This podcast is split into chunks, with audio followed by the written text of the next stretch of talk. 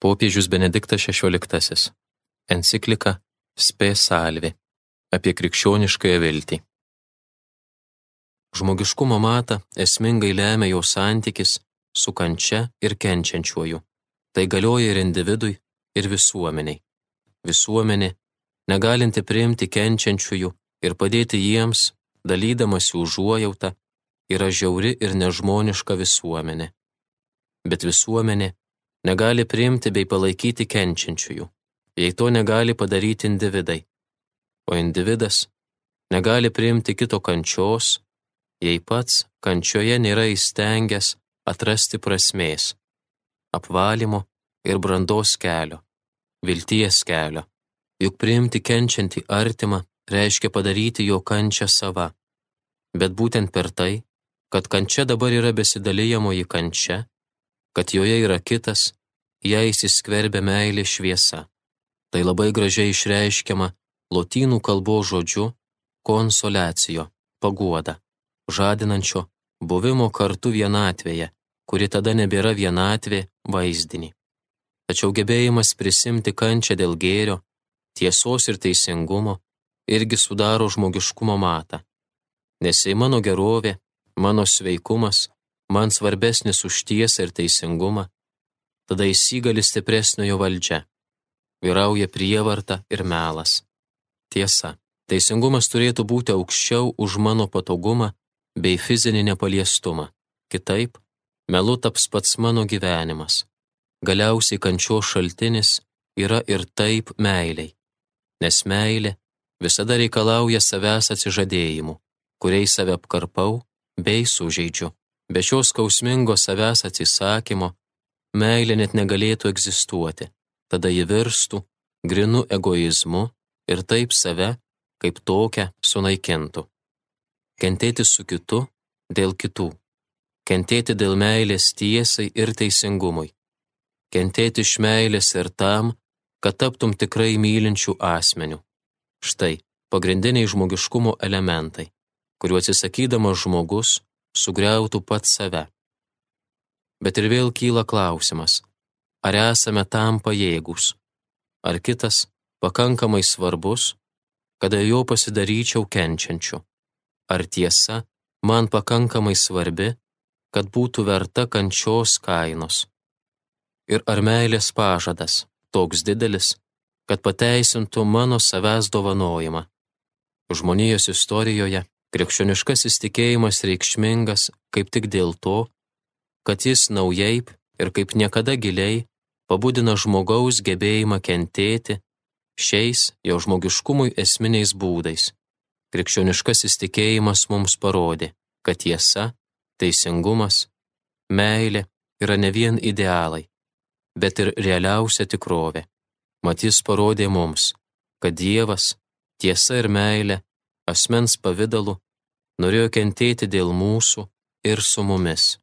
Bernardas Klervietis yra taikliai pasakęs, impossibilis es Deus, set non incompossibilis.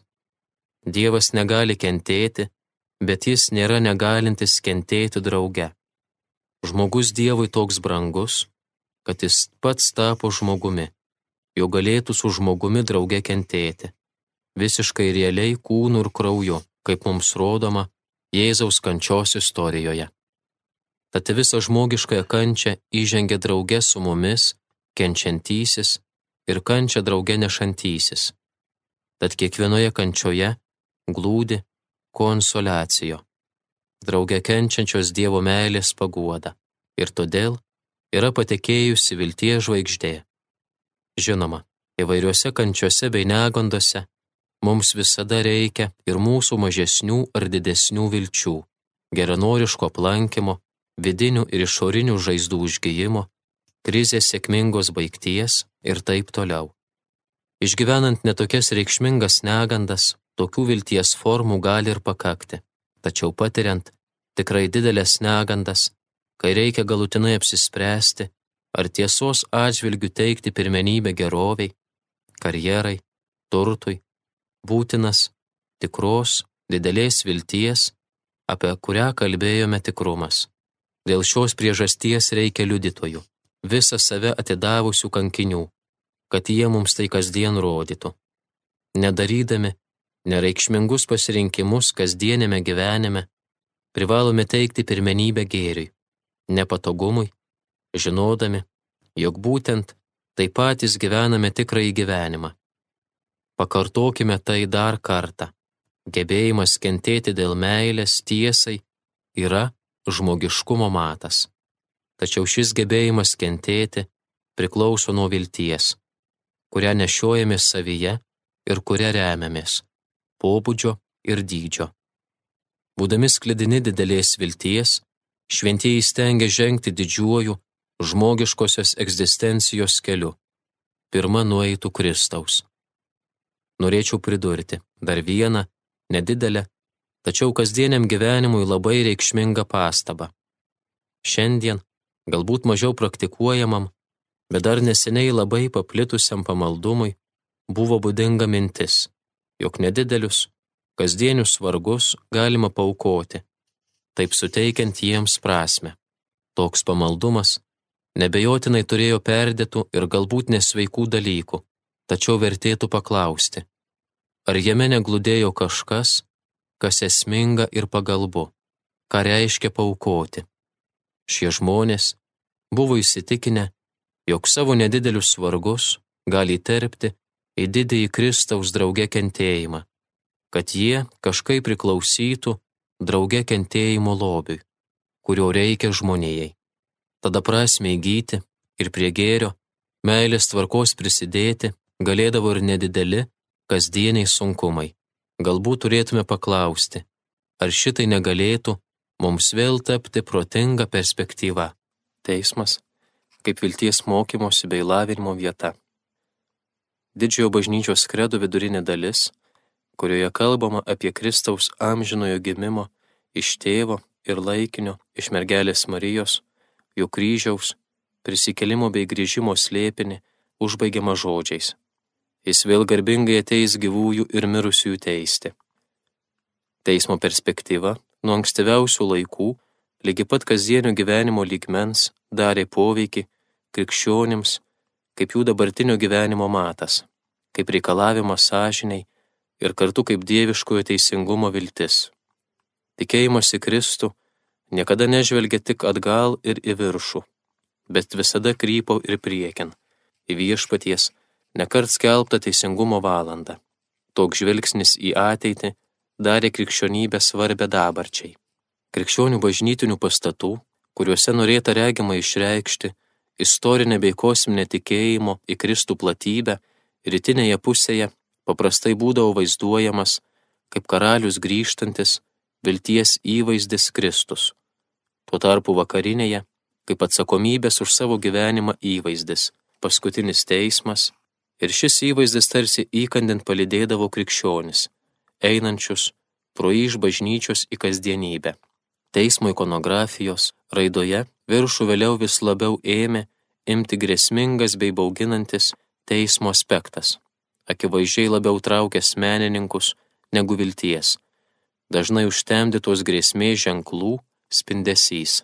Naujaisiais laikais mintis apie paskutinį teismą išblėsta. Krikščioniškasis tikėjimas individualizuojamas ir pakrypsta pirmiausiai į savo paties sielos išganimą. Visuotinės istorijos apmąstymą vis labiau ima ženklinti pažangos idėja. Vis dėlto, pamatinis teismo lūkesčio turinys tiesiog neišnyksta, bet dabar įgyja visiškai kitokį pavydalą. XIX ir XX amžiaus ateizmas, jo šaknis ir tikslas yra moralizmas, protestas prieš pasaulio ir jo istorijos neteisybės. Pasaulis, kuriame tiek daug neteisybės, nekaltųjų kančios ir galingųjų cinizmo, negali būti gerojo Dievo kūrinys. Dievas, kuris būtų atsakingas už tokį pasaulį, nebūtų teisingas ir juolab geras Dievas. Moralės vardu toks Dievas atmestinas. Tad ėmė atrodyti, kad teisingumas teigiančio Dievo nėra ir todėl dabar pačiam žmogui tenka užduotis kurti teisingumą. Jei protestas prieš Dievą šio pasaulio kančių akivaizdoje suprantamas, tai pretenzija, jog žmonija dabar galinti ir turinti daryti tai, ko nedaro ir negali padaryti joks Dievas, išpuikeliška ir iš pagrindų neteisinga, kad iš to kilo didžiausios žiaurybės ir daugybės teisės pažeidimų. Neatsitiktina, tai nulemta tokios pretenzijos esminio klaidingumo. Pasaulis, pats turintis susikurti teisingumą, yra pasaulis be vilties. Niekas neatsiliepia į šimtmečių kančias. Niekas nelaiduoja, kad pasaulyje toliau neviešpataus, kad ir kokiomis ideologinėmis atmainomis dangstydamasi ciniška gale. Didieji Frankfurto mokyklos mąstytojai, Maksas Hornheimeris ir Teodoras Adorno, vienodai kritikavo ir ateizmą, ir teizmą.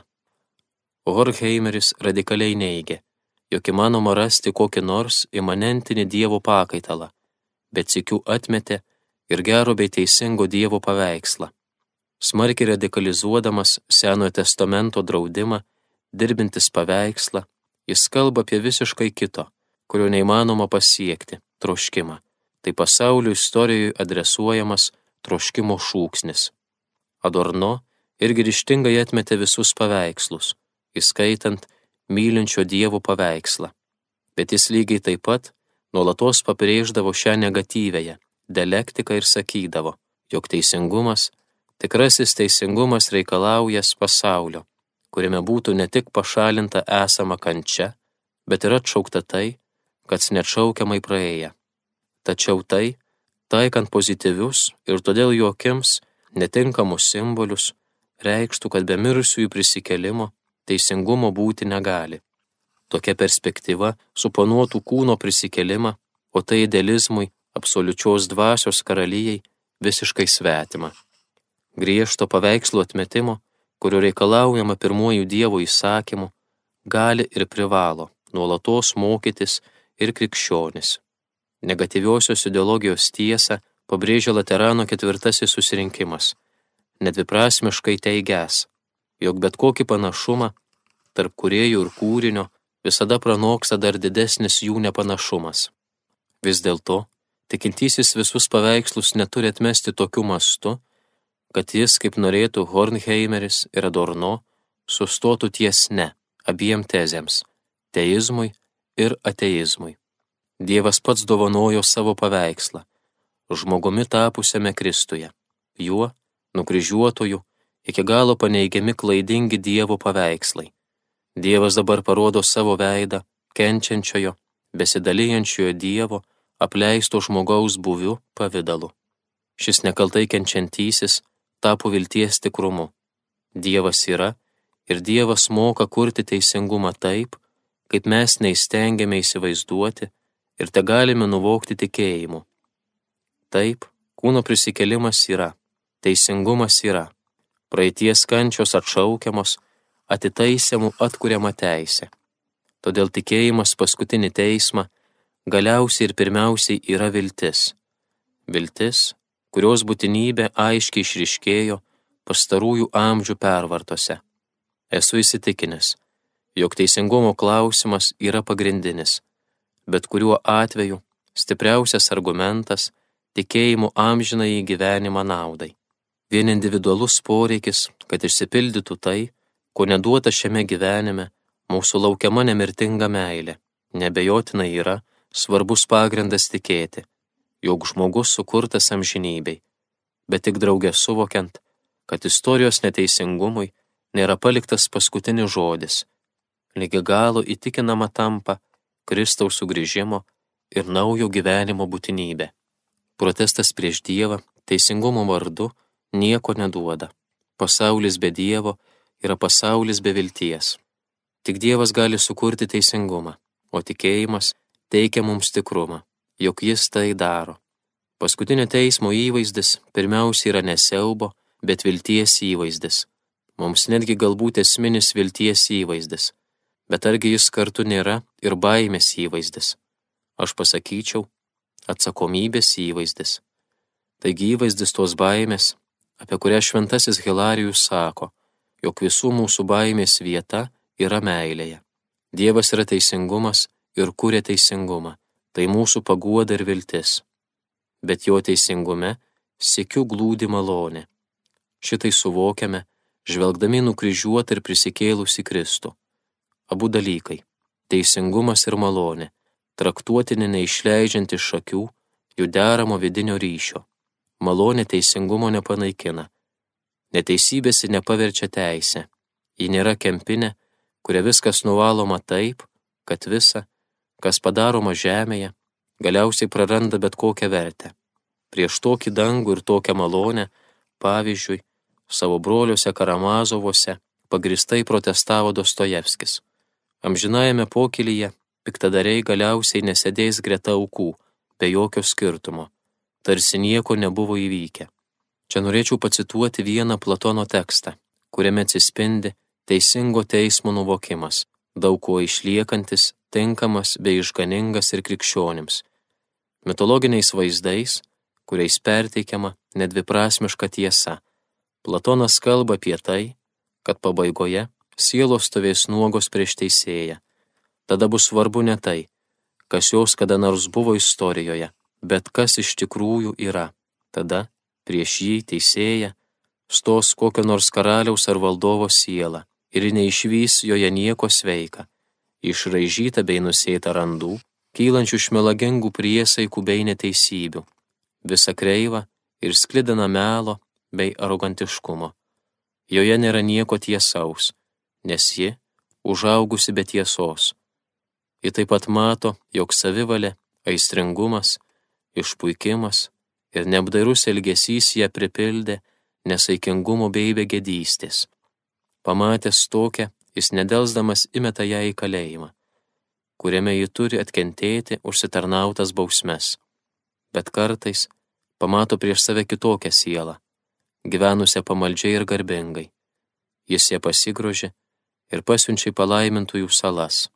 Įspėdamas mus, Jėzus palyginime apie turtingą lėbautąją ir vargšą lozorių parodė mums tokią arogantiškumo ir pertekliaus sugriautą sielą, kuri pati atvėrė tarp savęs ir vargšo neįveikiamą prarąją, užsisklendimo materialiniuose malonumuose prarąją, kito užmiršimo, negebėjimo mylėti dabar virsančio, deginančių ir numalšinamų troškulių prarąją. Sėkiu turime konstatuoti, kad Jėzus šiame palyginime nekalba apie galutinę lemtį po pasaulio teismo, bet perima vaizdinį, pasitaikantį, be kita ko, ankstyvajame judaizme ir galvoje turi tarpinį būvį tarp mirties ir prisikelimo, kai galutinis nuosprendis dar nėra paskelbtas. Šis ankstyvajam judaizmui būdingas tarpinio buvę vaizdinys apima mintį, kad sielos netiesiog laikomos laikinoje buveinėje, bet jau kenčia bausmę, kaip rodo palyginimas apie turtingą lėbautoje arba jau mėgaujasi laikinomis palaimos formomis. Galiausiai, šio buvio siela gali būti apvaloma bei gydoma ir taip parengiama bendrystei su Dievu. Ankstyvoji bažnyčia tokius vaizdinius perėmė ir iš jų vėliau vakarų bažnyčioje laipsniškai išsirutuliojo mokymas apie skaistyklą. Čia mums nebūtina tyrinėti sudėtingų istorinių tokios raidos kelių. Tiesiog paklauskime, apie ką čia kalbama. Žmogaus gyvenimiškasis apsisprendimas su mirtimi tampa galutinis, jo gyvenimas atsiduria prieš teisėją. Žmogaus apsisprendimas įgyjas pavydalą jo gyvenimo tiekmėje gali turėti įvairių formų. Gali būti žmonių, kurie visiškai sugriovė savo pačių tiesos troškimą bei pasirengimą mylėti. Žmonių, kuriuose viskas virtė melu. Žmonių, gyvenančių neapykantą bei trypiančių savyje meilę. Tai baisi mintis, bet kai kurių mūsų istorijos asmenų tokie kontūrai kaip tik bauginamai išriškėja.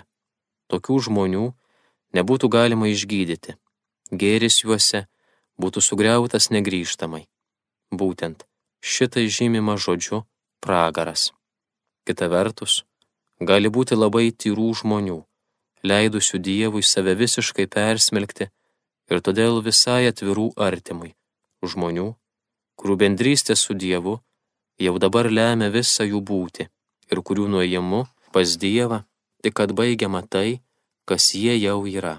Tačiau mūsų patarimas rodo, kad nei viena, nei kita nėra normalus žmogiškosios egzistencijos atvejs, Dažniausiai, taip galime tarti, žmogus savo giliausioje esybėje išlaiko galutinį ir vidinį atvirumą tiesai, meiliai, Dievui.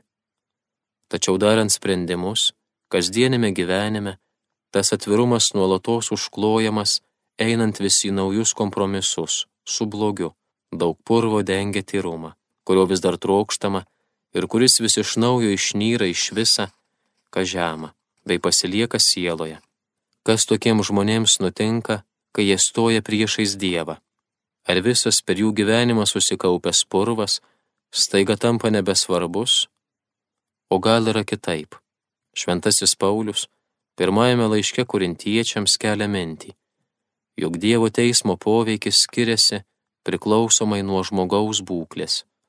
Paulius įvaizdžiais nori išreikšti neregimybę, todėl tų įvaizdžių negalime paversti savokomis, tiesiog dėl to, jog neįstengiame pažvelgti į pasaulį, anapus mirties ir nesame jo patyrę. Iš pradžių Paulius apie krikščionišką egzistenciją sako, jog jis statoma ant bendro pamato - Jėzaus Kristaus. Tas pamatas tvirtas. Jei šio pamato tvirtai laikomės, jei ant jo esame pastatę savo gyvenimą, žinome, kad šio pamato neįstengs atimti nei mirtis. Tada Paulius tęsė ar kas ant šio pamato statų iš aukso, sidabro, brangiųjų akmenų, medžio, šieno, šiaudų, kiekvieno darbas išaiškės. Teismo diena jį iškels aikštėn, nes jis pasirodys ugnimi ir ugnis ištirs, koks kieno darbas. Kieno statybos darbas ant pamato išliks, tas gaus užmokesti, o kieno darbas sudegs, tas praras užmokesti jis pats išsigelbės, bet artum per ugnį. Šiame tekste, bet kuriuo atveju išnyra aikštėn, jog kai kas pastatyta gali sudegti, jog pats išgelbėjamasis turi pereiti per ugnį, kad galutinai taptų gebantis priimti Dievą, atsisėsti už amžinojo pokelio stalo. Kai kurie dabartiniai teologai laikosi nuomonės, kad deginanti ir kartu gelbėjinti ugnis yra Kristus, teisėjas ir gelbėtojas. Susitikimas su juo yra lemiamas teismo aktas. Jo akivaizdoje ištirpsta visa netiesa. Būtent susitikimas su juo, mus degindamas perkeičia ir išlaisvina, kad tikrai taptume patys savimi. Mūsų gyvenimo statiniai tada gali pasirodyti besą buvę sausi šiaudai, grina savigyra ir sugriūti. Bet šis skausmingas susitikimas, kuriame atsiskleidžia tai, kas mūsų egzistencijoje, buvo netyra ir nesveika, yra ir išgelbėjimas. Kristaus žvilgsnis, jo širdies palitėjimas, mus gydo skausmingai perkeisdamas, tartum per ugnį. Tai palaimingas skausmas, kai šventojo meilės gale mus degindama persmelkia tai, kad galiausiai tampame visiškai savimi ir per tai visiškai Dievu. Per tai taip pat išriškėja teisingumo ir malonės sampina, Mūsų gyvenimas nėra nesvarbus, tačiau purvas nedengia mūsų amžinai. Jei bent išliekame, besitiesiantys į Kristų, tiesą ir meilę, jis jau sudegintas per Kristaus kančią. Teismo akimirką patiriame bei priimame šį jo meilės perviršį viso blogio pasaulyje ir mumise atžvilgiu. Meilės skausmas virsta mūsų išgelbėjimu ir džiaugsmu. Akivaizdu jog tokio perkeičiančio deginimo trukmės negalime matuoti mūsų pasaulio chronologiniu matu. Perkeičiantysis šio susitikimo akimirksnis nepavaldu žemiškiams laiko matams, tai širdies laikas, pereimo į bendrystę su Dievu Kristaus kūne laikas, Dievo teismas, viltis ir dėl to, kad yra teisingumas, ir dėl to, kad yra malonė. Jei teismas te būtų malonė, padaranti visą, ką žemiška, nereikšminga, Dievas mums liktų skolingas. Atsakymai klausimą dėl teisingumo. Esmingai svarbų klausimą, adresuojama istorijai ir Dievui. Jei jis te būtų teisingumas, visa, kas mums pabaigoje liktų, būtų baime. Dievo tapimas žmogumi, Kristuje, abu dalykus - teismą ir malonę, taip susijo vienas su kitu, kad teisingumas atkuriamas visi darbuojame savo išganimui, su baime ir drebėdami, ir kartu malonė leidžia visiems puoselėti viltį ir pasitikint artintis prie teisėjo, kurį pažįstame kaip savo užtarėją, parakletos. Čia paminėtinas dar vienas svarbus motyvas - praktikuoti krikščioniškąją viltį. Vėlgi, ankstyvajame judaizme jau būta minties, kad tarpinėme būvyje esantiems mirusiesiems galima padėti malda. Atitinkamą praktiką savaime perėmė krikščionys ir dabar jos bendrai laikosi rytų ir vakarų bažnyčia. Rytam svetimas, nuskaistinamasis ir permaldaujamasis sielų kentėjimas anapus, užtat žinomos palaimos arba ir kančios įvairios pakopos tarpinėme būvyje, bet Euharistija, malda ir išmaldomis, mirusiųjų sieloms galima suteikti polsio ir atgaivos. Tai, kad meilė gali nusidriekti į anapus, kad galime vienas kitam duoti, bei vienas iš kito imti, visai šimtmečiais buvo pamatinis krikščionijos įsitikinimas, lygi šiandien išliekantis paguodžiamą patirtimi. Kasgi nejaučia poreikio savo janapus iškeliavusiems artimiesiems pasiūsti gerumo, dėkingumo ar ir prašymo atleisti ženklo. Dabar būtų galima paklausti, jei skaistikla yra tiesiog deginantis skaistinimas, susitinkant su teisiančiu bei gelbėjančiu viešpačiu, tai kaip tam poveikį gali daryti trečiasis, kad ir koks artimas būtų. Tokių klausimų akivaizdoje turime suvokti, kad ne vienas žmogus nėra uždara monada. Mūsų egzistencijos viena su kitu susijusios, sujungtos tarpusavyje daugelypų sąveikų. Niekas negyvena vienas, niekas nenusideda vienas, niekas neišgelbėjamas vienas. Į mano gyvenimą, į tai, ką mastau, kalbu, darau, veikiu, įsiterpia kitų gyvenimas. Ir priešingai. Mano gyvenimas įsiterpia į kitų gyvenimą. Ir geri ir blogi dalykai. Tad mano prašymas dėl kito, net ir po jo mirties, nėra kas nors svetima, išoriška. Kadangi egzistencijos tarpusavyje susipynusios, mano padėka jam, mano malda už jį gali turėti įtakos jo ištyrinimui. Sikiu, nėra reikalo imti žemišką laiką perskaičiuoti į dievišką į laiką. Sielų bendrystėje žemiškasis laikas pranokstamas. Prisiliesti prie kito širdies niekada nevėlu ir nėra bergščia. Taip dar kartą išriškėja svarbus krikščioniškojo vilties supratimo elementas. Mūsų viltis visada iš pagrindų yra viltis dėl kitų tik tada ji tikrai yra viltis ir mano paties atžvilgiu. Kaip krikščionys visada turime ne tik klausti, kaip galiu save išgelbėti, turime taip pat klausti, ką galiu padaryti, kad išgelbėti būtų kiti ir kad kitiems patekėtų vilties žvaigždė. Būtent tada būsiu daugiausiai padaręs ir dėl savo paties išgelbėjimo. Marija, vilties žvaigždė. Vienu 8 ar 9 amžiaus sukurtu himnu bažnyčia jau per tūkstantį metų sveikina Mariją, viešpaties motiną, kaip jūro žvaigždę. Ave Maris Stela. Žmogaus gyvenimas reiškia buvimą pakeliui. Kokio tikslo link? Kaip atrandame gyvenimo kelią? Gyvenimas atrodo it plaukimas per dažnai tamsią ir audringą istorijos jūrą, dairantis kelią mums rodančių žvaigždžių tikrosios mūsų gyvenimo žvaigždės yra teisingai gyventi mokėję žmonės. Jie yra vilties šviesuliai. Žinoma, pati šviesa, saulė, patikėjusi virš visų istorijos tamsybių, yra Jėzus Kristus.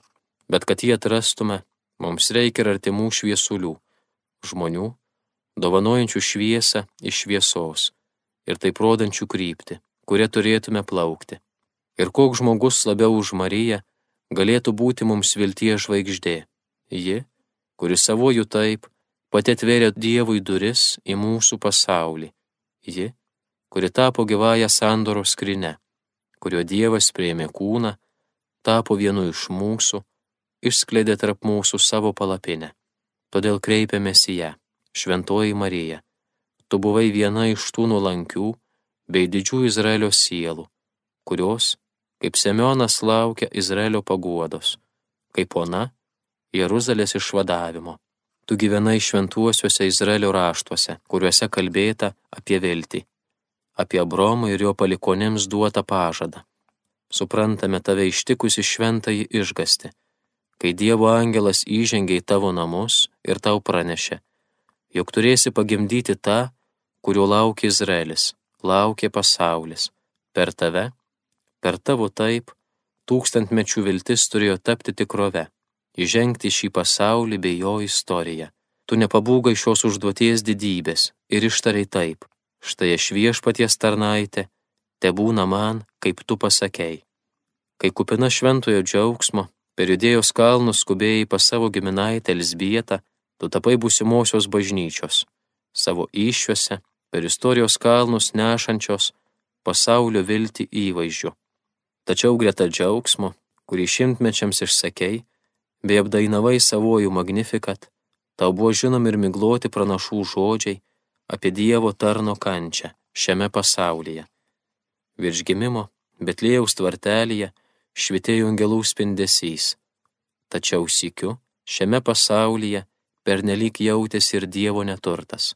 Senasis Semionas prabilo apie kalaviją, perversiant į tavo širdį, apie prieštaravimo ženklą, kuriuo šiame pasaulyje taps tavo sūnus. Prasidėjus Jėzaus viešai veiklai, turėjai pasitraukti šalį, kad galėtų aukti naujoji šeima, kurią įsteigti jis buvo atėjęs ir kuri turėjo išaukti šio žodžio klausiančiųjų, bei jo besilaikančiųjų. Nepaisant Jėzaus pradinės veiklos didybės bei sukelto džiaugsmo, tau jau Nazareto sinagogoje teko patirti žodžių, apie prieštaravimo ženklą tiesą. Tu išgyvenai didėjančią priešiškumo bei atmetimo galę, vis labiau besitvenkusią apie Jėzų bei virtusią kryžiaus valanda, kai pasaulio gelbėtoje, Dovido įpėdinį, Dievo sūnų turėjai išvysti mirštantį tarp nusikaltelių, kaip nesėkmės ištiktai, bei pajukai išstatytai. Tu išgirdai žodžius. Moterie, štai tavo sunus. Nuo kryžiaus gavai naują misiją, kryžiaus dėka naujai tapai motina. Visų, kurie tiki tavo sūnų Jėzų ir nori juos sekti motina. Skausmo kalavijas perverė tavo širdį. Ar numirė viltis? Ar pasaulis galutinai tapo be šviesos, gyvenimas be tikslo? Ta valanda, tu nebejotinai viduje girdėjai angelo žodžius kuriais jis per apreiškimą atsiliepia į tavo išgastį. Nebijok, Marija, kaip dažnai, tą pat savo mokiniams buvo sakęs viešpats, tavo sunus. Nebijokite.